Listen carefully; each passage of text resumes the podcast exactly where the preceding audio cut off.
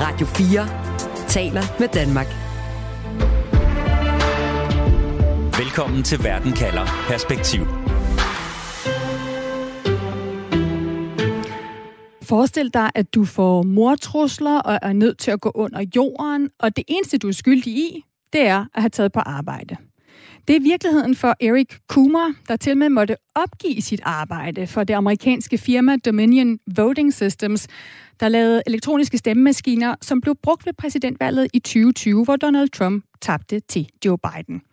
Og nu har Robert Murdoch, som ejer den amerikanske nyhedskanal Fox News, indrømmet, at hans værter promoverede Donald Trumps falske påstand om, at valget blev stjålet fra ham, Blandt andet fordi Dominion, det her amerikanske firma med stemmemaskinerne, altså stod bag valgsvindel. Sådan var påstanden.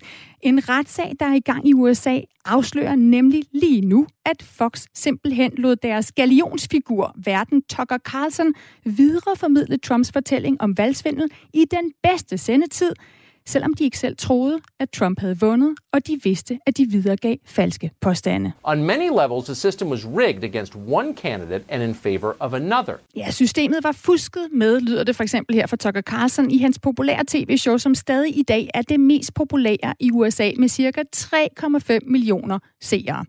Kampen om sandheden er altså i gang lige nu i USA, hvor Fox News er i retten for misinformation, og derfor spørger jeg i dag, Hvem troede på Trumps valgløgne? Mit navn er Stine Krummernd Dragsted. Velkommen til Verden kalder perspektiv, hvor jeg stiller et spørgsmål, der giver dig perspektiv på verden omkring os, og på 30 minutter giver dig et svar. Du lytter til Radio 4. Og med mig i programmet i dag, der har jeg Mads Dalgaard Madsen, tidligere indrigspolitisk rådgiver ved ambassaden i DC. Velkommen til, Mads. Mange tak skal du have. Og jeg har også dig, Anna Erling. Velkommen til. Tak skal du have. Du er journalist i USA, bosat i Nashville, Tennessee, og følger også denne her historie. Den 4. januar 2021, der skriver Fox News-verden Tucker Carlson i en sms, at han hader Donald Trump lidenskabeligt. Og så skriver Tucker Carlson videre, vi er meget, meget tæt på at kunne ignorere Trump de fleste aftener. Det glæder jeg mig virkelig til. Et syn på Trump fra Tucker Carlson, der altså står i ret skarp kontrast til, hvordan den selvsamme Tucker Carlson bare et par måneder tidligere står på Fox News og siger sådan her. Only a man like Donald Trump was tough enough to fight the creeping authoritarianism of the education cartel and corporate America. If Trump got elected, you could say what you really believe. Ja, kun en mand som Donald Trump var hård nok til at kæmpe mod centraliseringen og virksomhederne. Hvis han blev valgt, så kunne du sige, hvad du mente, siger Tucker Carlson her. Altså roser Donald Trump. Vi skal snakke meget mere om, hvorfor de her sms'er fra Tucker Carlson, hvorfor gruppechats mellem ham og hans øh, kendte værter på Fox News er kommet frem, og hvilke konsekvenser det kan få. Men først så skal vi lige kridte banen op, Anne Alling. Hvorfor er Tucker Carlson vigtig at forstå for at forstå den her retssag om Fox News? Mm, Tucker Carlson, han er øh, om nogen en indflydelsesrig, øh, kendt og enormt populær figur på, øh, på den amerikanske højrefløj hans øh, aftenshow, øh, Tucker Carlson Tonight, som kører hver aften på Fox News. Det er det absolut mest sete øh, øh hvad hedder det, aften nyhedsprogram med mere end 3 millioner seere hver aften. I 2021, der øh, nominerede Time Magazine ham, de satte ham på listen over verdens 100 mest indflydelsesrige personer.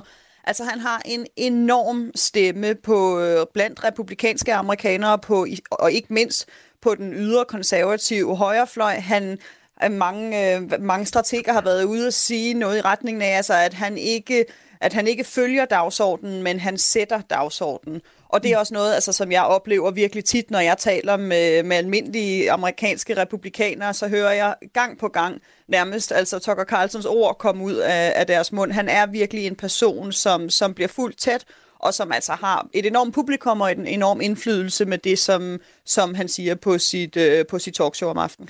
Mads, der er en af de beskeder, som Tucker Carlson skriver i en gruppechat med hans værtskollegaer på Fox News, som du mener fortæller meget om Tucker Carlson. Hvordan det?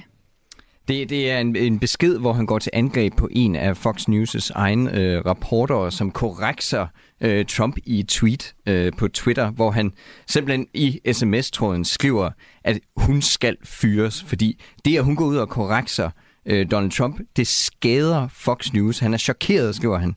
Fordi det skader Fox News, og det skader Fox News meget målbart. Det skader Fox News på aktieprisen. Aktieprisen er nede. Mm. Og det siger rigtig meget om Fox News. Det siger rigtig meget om mediebilledet i USA. Ja, men hvad, det siger, hvad siger det om Tucker Carlson, at han skriver det? Det siger jo, altså hvis man skal forstå cable news, den, den, sådan, det objekt, det er i amerikansk politik, altså det er hardcore målbart med hver af de her værter, hvor, hvor mange ser de har nede på et minut. Altså, så de er hundens bange for, at seerne går et andet sted hen. Altså, at de stemmer med fødderne. Og det er det, det, de er frygtelig, frygtelig bange for her. Så for, Tucker Carlson vil gerne beholde seerne, og han er bange for, at de flygter hvis at øh, det bliver korrekset, de her falske mm. vand, øh, hvad hedder det, valgsvindels øh, påstande. Ja, så den her retssag mod Fox News, som er i gang nu, den handler jo om, at mediet har løjet om stemmeoptællingsvirksomheden, altså dem, der producerer stemmemaskiner, Dominion Voting Systems, og i en gruppechat, der har Tucker Carlson altså øh, til Sydenlandet også øh, uforstående over for påstanden om, at øh, at øh, der har været valgsvindel skriver The Guardian. Anne Alling, øh, han, han ved, at der har været valgsvindel, alligevel går han på skærm og siger det modsatte. Hvorfor gør han det? Er det det her med, at han er bange for, hvordan vælgerne vil reagere? Altså hele denne her sag, den sætter jo om, ja, altså mere måske end noget andet, vi har oplevet før, øh, Fox News' forretningsmodel i, i spotlys. At det er så tydeligt ud fra de her beskeder, at Tucker Carlson, han ikke tror på det, når for eksempel Rudy Giuliani, han sidder på, øh, på Fox News og, og spreder de her løgne om Dominion. Men alligevel, som Mads også forklarer her, så er han altså helt op at ringe, når, når, man går, når Fox News journalister går ud og, og retter Trump, fact, fact-checker Trump, fordi at den kritik, den vil han alligevel ikke se på Fox News. Mm. Og det handler jo altså i sagens kerne om, at Fox News, jamen de har siden 2016 og, og, og nærmest stort set lige, lige siden da altså været tæt på en propagandamaskine for Donald Trump. De har givet øh, seerne det, som, som seerne har set ud, som om de gerne ville have.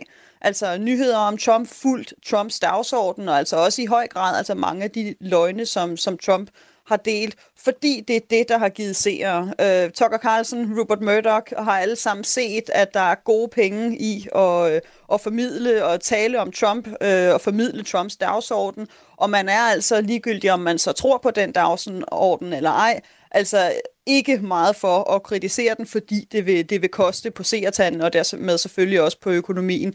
Så, så på den måde er denne her sag virkelig interessant, og et... Øh, Altså et, øh, et kæmpe kig ind i, i maskinrummet på, på Fox News. Mm. Et maskinrum, som man måske nok har haft en, i den grad altså en, en, en, en fornemmelse af, hvordan det fungerede, men nu kan vi altså se det sort på hvidt. Ja, den her kamp om sandheden, som også foregår inde i maskinrummet i Fox News. Mads, du sidder lige og følger med her på Fox News også de sidste dage, hvor den her retssag og dokumenterne fra den eksploderer i alle de andre amerikanske medier. Hvordan dækker Tucker Carlson selv anklagerne om at have løjet? Det er meget simpelt at svare på. Øh, han dækker det slet ikke. Og det er jo det, øh, han vil jo gerne afskærme den her historie fra øh, hans egen seere, så det er en stor antagelse at tro, at det kommer til at have sådan umiddelbare konsekvenser lige nu for Tucker Carlson over for hans seer i hvert fald, fordi han gør alt for at ignorere den her historie. Og det siger igen noget om mediebilledet og den polarisering, der er i amerikansk politik, at hvis Tucker Carlson ikke siger det, jamen så er det ikke engang givet, at han ser, de, øh, de får det at vide. Hmm. Jeg har bemærket noget, det er jo, at han begyndt at dække Donald Trump mere i det sidste uges tid. Altså, øh, han har faktisk ignoreret Donald Trump i nogle øh, måneder nu, hvor han har fokuseret mere på Ron DeSantis. Men nu har han faktisk begyndt at bakke mere op om Trump, og det er måske i virkeligheden en form for undskyldning over for, øh, for Donald Trump, for at få ham lidt tilbage i, i folden igen. Så en ting er, at han ikke dækker det, Anne Alling selv, altså Tucker Carlson lige nu, og det er jo ellers overskrifterne i, i mange andre amerikanske medier. Noget andet er, at, at han tør blive ved med at, at sige ting, som der i hvert fald er stor diskussion om, at sandt eller ej. Øh, lige nu er der en fortælling om, at han øh, har fået fat i nogle øh, optagelser fra republikanere fra den her storm på kongressen, som han har klippet sammen og siger, viser, at det jo bare var en fredelig, måske lidt kaotisk udflugt til The Capitol, som han siger det, jeg gerne vil spørge dig om, Anne Erling, det er, det er jo ikke mange måneder siden, at Alex Jones, altså en anden meget kendt tv-personlighed for USA på højrefløjen, blev dømt skyldig i en sag, hvor han havde løjet om et skoleskyderi på folkeskolen Sandy Hook, hvor, hvor små børn i 0. og 1. klasse døde. Og en sag, hvor Alex Jones skal betale mange millioner kroner til forældrene på skolen og risikerer at gå bankerot. Anne, hvorfor skræmmer det her ikke Tucker Carlson, at det kan have konsekvenser at promovere falske påstande? Altså Fox News og heriblandt selvfølgelig også Tucker Carlson, de er jo virkelig ude i en linedans lige for tiden omkring, hvor de skal lægge deres fokus. Er Trump fortid? Øh, vil Trump komme tilbage igen? Er det DeSantis, de skal fokusere på? Er der seertal eller ikke seertal i at, at dække Trump? Så på den måde så er det en meget, meget hårfin balance, de har gang i lige nu, for at, at sikre seerne øh, og, og altså finde ud af, hvor de skal lægge deres fokus. Og altså, Tucker Carlson, han har en, altså, og det tror jeg også, at hans mest trofaste støtter vil give mig ret i, at han har en, en meget provokerende façon, en, en façon, som rigtig mange også godt kan lide. Og noget af det, som han især gør, det er, at han altid stiller rigtig mange retoriske spørgsmål. Han siger, at nu det er måske ikke, fordi han siger, øh, at, øh, at for eksempel Kina stod bag corona, men han vil alligevel bare lige spørge, hvorfor sådan og sådan og sådan. Nu er det ikke fordi, at han direkte vil påstå, at det var Antifa, der stod bag, øh, der stod bag den 6. januar, men lad mig lige stille sådan og sådan her spørgsmål. Og det er helt sikkert en retorik, som Tucker Carlson bruger netop for at beskytte sig selv, for altså ligesom ikke at give de direkte påstande, men bare i gåseøjne stille spørgsmål. Det er en mm. af de måder, han gør det på. Og så en anden, altså, som jo er hans trofaste følgesvend, det er hans ytringsfrihed. Altså, at han altid beskytter sig bag, at han som journalist, men altså ikke mindst også som amerikaner, har ret, ytringsret, ytringsfrihed til at udtale sig, sig om, hvad han vil, og det her det handler om, at der ikke skal være censur over amerikanske medier. Derfor har han ret til at sige, som han vil. Så på den måde, så prøver han at, at helgardere sig, men selvfølgelig, altså, så, så stiller han sig der helt sikkert i, i et spotlys ved at tale om de her ting, og jeg tror da også, det er derfor, som, som Masser siger, at han ikke lige præcis taler om mm. Dominion-sagen, fordi at her er det måske øh, juridisk, og hvis øh, hans advokater er inde og rådgiver ham, måske bedst lige at, at tige stille om den Så der kan også være juridiske grunde til, at han slet ikke taler om det. Tucker Carlson, han har en hovedrolle i den retssag, som er i gang nu. Lad os lige se på, hvad den egentlig handler, handler om. Du lytter til Radio 4. Fordi grunden til, at vi i dag har fået adgang til hundredvis af dokumenter, af sms'er, af groupchats, af e-mails fra medarbejdere og ledelsen og ejeren af Fox News, det er altså, at Fox News har fortalt usandheder om præsidentvalget i 2020, hvor demokraten Joe Biden vandt, men hvor Trump påstod, at valget blev stjålet for ham. Anne Allingen, hvad er det for en virksomhed, der har sagsøgt øh, Fox News øh, for de her valgløgne? Altså, hvad handler retssagen om helt kort?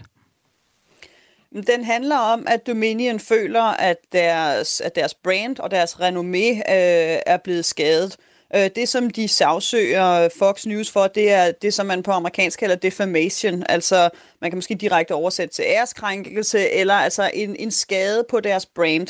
At øh, måden her, som Fox News igen og igen har givet, har givet taletid til for eksempel Rudy Giuliani, der sidder og fortæller om, at... Øh, at Dominions maskiner, at man har, at man har kunnet hacke sig ind på dem og ændre Trumps stemmer til at blive til Joe Bidens stemmer, og han siger, at i virkeligheden er det her noget, som stammer helt tilbage fra Venezuela og Hugo Chavez, og hvad end han har øh, af, af konspirationer, at det til sammen har været med til altså at skade Dominion som brand, altså simpelthen at, at skade deres deres mulighed for, for indtægter. Så det er det, de, der ligesom er den hovedsagelige anklage, og det de så skal bevise, er, at Fox de handlede med det, som, som man på amerikansk kalder actual malice. Altså at, at det var helt...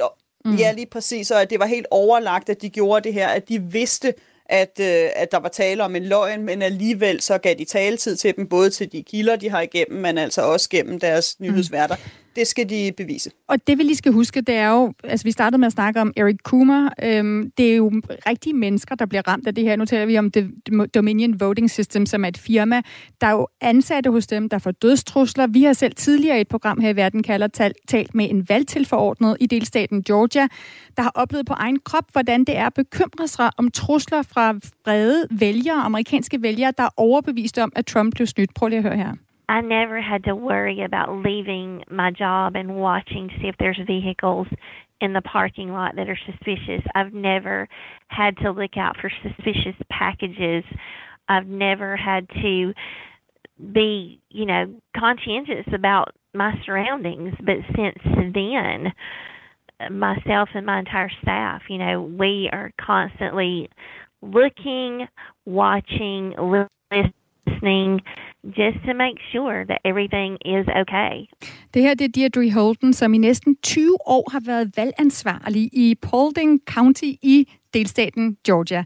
Og hun siger altså, at tidligere, da hun aldrig skulle bekymre sig om mistænksomme biler på parkeringspladsen, om mistænksomme parker, om at være opmærksom på hendes omgivelser, om der kunne være nogle, nogle trusler. Men siden præsidentvalget i 2020, hvor Trump kom med den her påstand om, at valget var stjålet, så har hun og hendes ansatte, de har skulle kigge sig en ekstra gang over skulderen for at være sikker på, at alt var, som det skulle være. Mads, hvordan har virksomheden Dominion Voting System og dens medarbejdere, hvordan har de været mærket af konsekvenserne af de her løgne, der er blevet fortalt? Altså, de jo ramt rigtig, rigtig hårdt. Øh, altså på to punkter. For det første det her personlige, nærmest sikkerhedsmæssige niveau, hvor medarbejderne har modtaget de her dødstrusler. Og, øh, altså, de, de er jo sådan set blevet centrum for den konspirationsteori, der er The Big Lie, som man kalder det i USA. Men så er de også blevet ramt på forretningen, kan man sige, fordi de lever jo af at være troværdige, at deres software virker. Deres kunder er jo delstater, som skal købe de her stemmemaskiner. Øh, og, og hvis der lige pludselig bliver sat tvivl om, de her stemmemaskiner tæller rigtigt, jamen så mister de jo hele deres forretningsgrundlag. Så der er det personlige, og der er det businessmæssige, okay. der gør, at de er næsten nødt til at føre den her retssag for overhovedet at komme videre. Mads, hvordan forholder Fox News sig til selve retssagen? De siger jo, som øh, Anna også siger, altså, øh, at det her det er øh, hvad hedder det, First Amendment rights, det er, de, de her sms'er er blevet taget af en kontekst. Dem, øh, det kommer til at se soleklart ud, at øh, det var slet ikke det, de mente i de her sms'er. Og så har man øh, en First Amendment right i USA, som at hvis den her retssag går Dominion Voting Systems vej, jamen så vil det jo ændre hele øh, mediebilledet. Det vil ændre øh, amerikanernes rettighed til at tale øh, frit i, i det offentlige rum. Mm. Anne, dem du kender og taler med, som støttede Trump, som tror på, hvad han siger om, at valget blev stjålet. Hvad tænker de om retssagen? Mm, for dem tror jeg egentlig, at de synes, at selvfølgelig er der en retssag. Øh, ikke forstået på den måde, at, øh, at Dominion har ret, men at de opfatter det som om, at jamen, Dominion snød, og nu kommer der nogen ud og, øh, og forsøger at, at afsløre deres snyd, så derfor så svarer de selvfølgelig øh, igen med en retssag. Så på den måde tror jeg ikke, at retssagen går ligesom ind og, og ændrer ved, ved, ved Trump-støtter, altså dem, som i forvejen tror på øh, de her konspirationer om Dominion. For dem går det ligesom ikke ind og, og ændrer ved deres opfattelse af, hvad der er sket.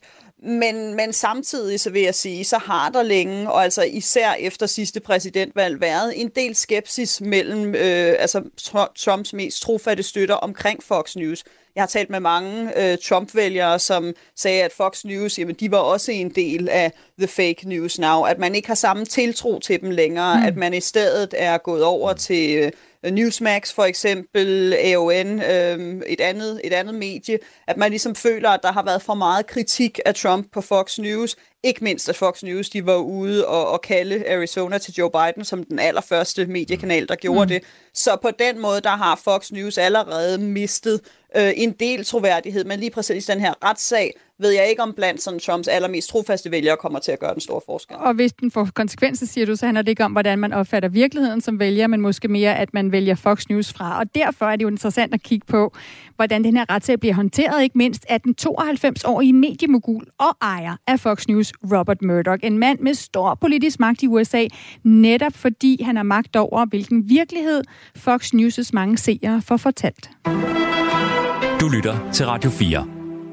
Robert Murdoch han ejer massevis af medier i både Storbritannien og i Australien. I USA der ejer Robert Murdoch både Fox News, avisen Wall Street Journal og avisen New York Post. Lad os lige høre, hvordan det lød, da Murdoch blev afhørt i januar af advokater fra Dominions Voting System, som altså nu har lagt den her retssag an. Det er en afhøring, som for nylig er blevet offentliggjort i en række amerikanske medier, blandt andet CNN og New York Times, hvorfra vi har den her udveksling. Murdoch bliver blandt andet spurgt, tror du, at Dominion var en del af en stor koordineret indsats for at stjæle 2020-valget? Og der svarer Murdoch nej. Og på spørgsmålet, har du nogensinde set beviser på, at Dominion var en del af en stor koordineret indsats for at stjæle 2020-valget, der svarer Murdoch også nej. Og da han så bliver spurgt Murdoch, om han nogensinde har troet, at Dominion var en del af en stor koordineret indsats for at stjæle præsidentvalget i 2020 for Donald Trump, så svarer han igen nej.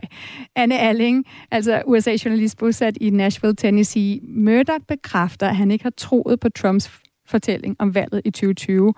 Har Murdoch direkte indflydelse på, at værterne på Fox News alligevel går på skærmen og videregiver Trumps fortælling, altså lyver?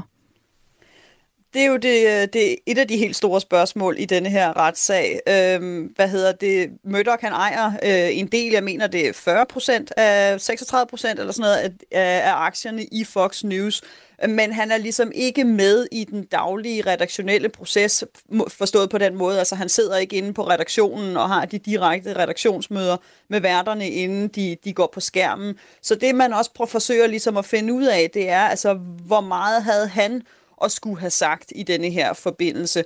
Og der skal man ligesom måske ind og kigge øh, lidt år tilbage i Fox News, hvor det har, hele tiden har været vist, at, øh, at Murdoch han for eksempel i 2016 altså havde en meget direkte indflydelse på retningen i Fox News dækning af for eksempel Trump. Altså det var øh, to, i 2016 Murdoch, der tog den endelige beslutning om, at man at man ligesom skulle bakke fuldt op om Trump på Fox News, og man ved også, altså, at han har en del at skulle have sagt, er i kontakt med for eksempel personer som, som Tucker Carlson og Sean Hannity. Og man, Men kan man sige, skal altså... Ja, man kan sige, uanset om han så øh, sidder og tager de, de, de enkelte dag-til-dag beslutninger, så kan han jo i hvert fald godt gå ind, da hans værter begynder at videregive, promovere den her øh, løgn, altså, som Trump kommer med om valgsvindel, og stoppe det. Øh, Mads, hvorfor lader han som ejer af Fox News journalister gå på skærm og fortælle usandheder? Det er for at gå tilbage til den ekstrem effektive forretningsmodel, som Fox News har fundet. Og det er, at der er så mange flere penge at tjene i at fortælle folk, hvad de gerne vil høre, frem for hvad der rent faktisk sker. Og det er i virkeligheden det, der er sådan lidt af essensen af Fox News' forretningsmodel. Og netop da de gik ud og kaldte Arizona der, i, øh, der ved valget som de første, altså det der i virkeligheden er synden her for, for Trump-vælgerne fra Fox News side, jamen der ser vi jo i de her sms'er og i de her e-mails, han sender, de siger, han siger, we're getting creamed in the ratings. Altså vi taber og taber seertal, så der begynder de at støtte op om den her konspirationsteori, netop fordi de kan se, at seerne forsvinder, og dermed forsvinder omsætningen. Mm. Så det er derfor Murdoch han presser på i starten for, at den her konspirationsteori også skal komme ud i Fox News, men han begynder så at trække tilbage. Det kan vi se senere i de her mails, så begynder at tænke, okay, gik vi for vildt, gik vi for vidt her? Og det er jo, det er jo en interessant øh, figur, han lige pludselig er. Der en interessant skæbne om en mand, der har skabt en organisation, skabt nogle værter, og som i virkeligheden har skabt Donald Trump som han ikke længere rigtig kan kontrollere. Altså, han har skabt mm. nogle monstre, han måske nu siger du, selv han... blive bange for. Ikke? Ja, nu siger du, han har skabt Donald Trump, han måske har skabt nogle monstre, han selv kan blive bange for. Så lad os tale lidt om den her indflydelse, som du siger, Murdoch har, fordi vi kan jo godt have et, et tv-show, der er meget populært, som måske har øh, over 3 millioner øh, seere. Der er mange millioner øh, mm. amerikanere og vælgere. Altså, hvad vil du sige, han ejer de her medier? Øhm, altså, hvem bestemmer i sidste ende, hvor, hvor stor indflydelse har han på, hvem der bestemmer i USA, og i sidste ende, hvem der bliver præsident? Altså han, har, han, som, altså, han har rigtig meget magt på højrefløjen og i det republikanske parti, så der kommer du ikke så hundens langt, hvis du ikke har en eller anden form for opbakning fra Fox News. Altså den eksponering, eksponering, du får øh, vi jeg have, ved have fem minutter på, i Tucker Carlson Tonight, det er den højeste valuta, du kan få i kongressen. Da jeg havde min daglige gang derinde, kunne jeg simpelthen se, hvordan Tucker, altså Tuckers timeslots, det var sådan nærmest nogle aktier, de øh, højorienterede republikanere, de forhandlede med, og det var dem, de kæmpede for, øh, for at komme på i, i, om aftenen. Altså, så han har rigtig, rigtig meget indflydelse, især på den yderste højrefløj, og det er den eksponering, som man går efter. Så i hvert fald sådan, som det har været, så er det en kæmpe, kæmpe, kæmpe fordel for dig, især i de primærvalgene, hvis du har opbakning fra Murdoch og dermed Fox News. Så Anne, helt kort, altså hvor meget af Trumps storhed og fald, og måske nu storhed igen, kommer til at kunne føres tilbage til, til Robert Murdoch? Jamen rigtig meget af det, tror jeg. I, i 2016, der øh, ville Murdoch faktisk først bakke op om, øh, om Jeb Bush som, øh, som kandidat. Så endte det med, at historien lyder, at det faktisk var Jared Kushner, som var inde og overbevise ham om, altså alligevel altså Trumps at gå over... Svigersøn. Lige præcis, at gå over og bakke op om Trump, og det er helt sikkert, altså det er et af det, hvis det ikke den største faktor, man siger, var med til øh, at, give, mm. at give Trump sejren. Okay. Lytter til Radio 4. Virksomheden Dominion Voting Systems har altså sagsøgt Fox News for at viderebringe løgne om valgsvindel, og det har givet os adgang til hundredvis af dokumenter om, hvad der er foregået bag kulissen i Fox News. Kendte Fox News værter som Tucker Carlson har vidst én ting og sagt noget andet. Og det er ikke ligegyldigt, for Fox News og dets værter og dets ejer, Robert Murdoch, har stor politisk indflydelse i USA. Jeg kunne godt tænke mig til sidst at få en konklusion, Mads. Hvem troede på Trumps valgløgne? Ja, det var der færre, end der gav udtryk for, der troede på. Og det er måske i virkeligheden det mest uhyggelige i den her sag. Nu skal Fox News så i retten for valgløgne. Ændre det på den her kamp om sandheden, der foregår der? Det gør det for nogen, det gør det for medieforretningsbilledet. Altså hvis, det lige, hvis den her retssag falder til Dominion Voting Systems, øh, hvis den går i deres favør, så kan det godt ændre forretningsmodellen i øh, cable news øh, miljø eller økosystemet, fordi så er der lige pludselig en konsekvens ved at gå ud og have meget, meget holdningsbaserede nyhedsshows. Men det er spektakulært, at vi har fået adgang til de her sms'er, så det er ekstremt svært at bevise. Men det kan ændre cable news forretningsmodellen. Men for Trump-vælgerne, for, øh, for de indignerede og højorienterede republikanere, så ændrer det nok ikke øh, så hunds meget. Og Anne Erling, det er et oplæg til dig. Hvem troede på Trumps valgløgne? Det gjorde, øh, det gjorde Trumps allermest trofatte støtter, øh, og de gjorde det især på grund af, hvad de så i medierne, og altså hvad det, blandt andet de, de så på, på Fox News. Mm.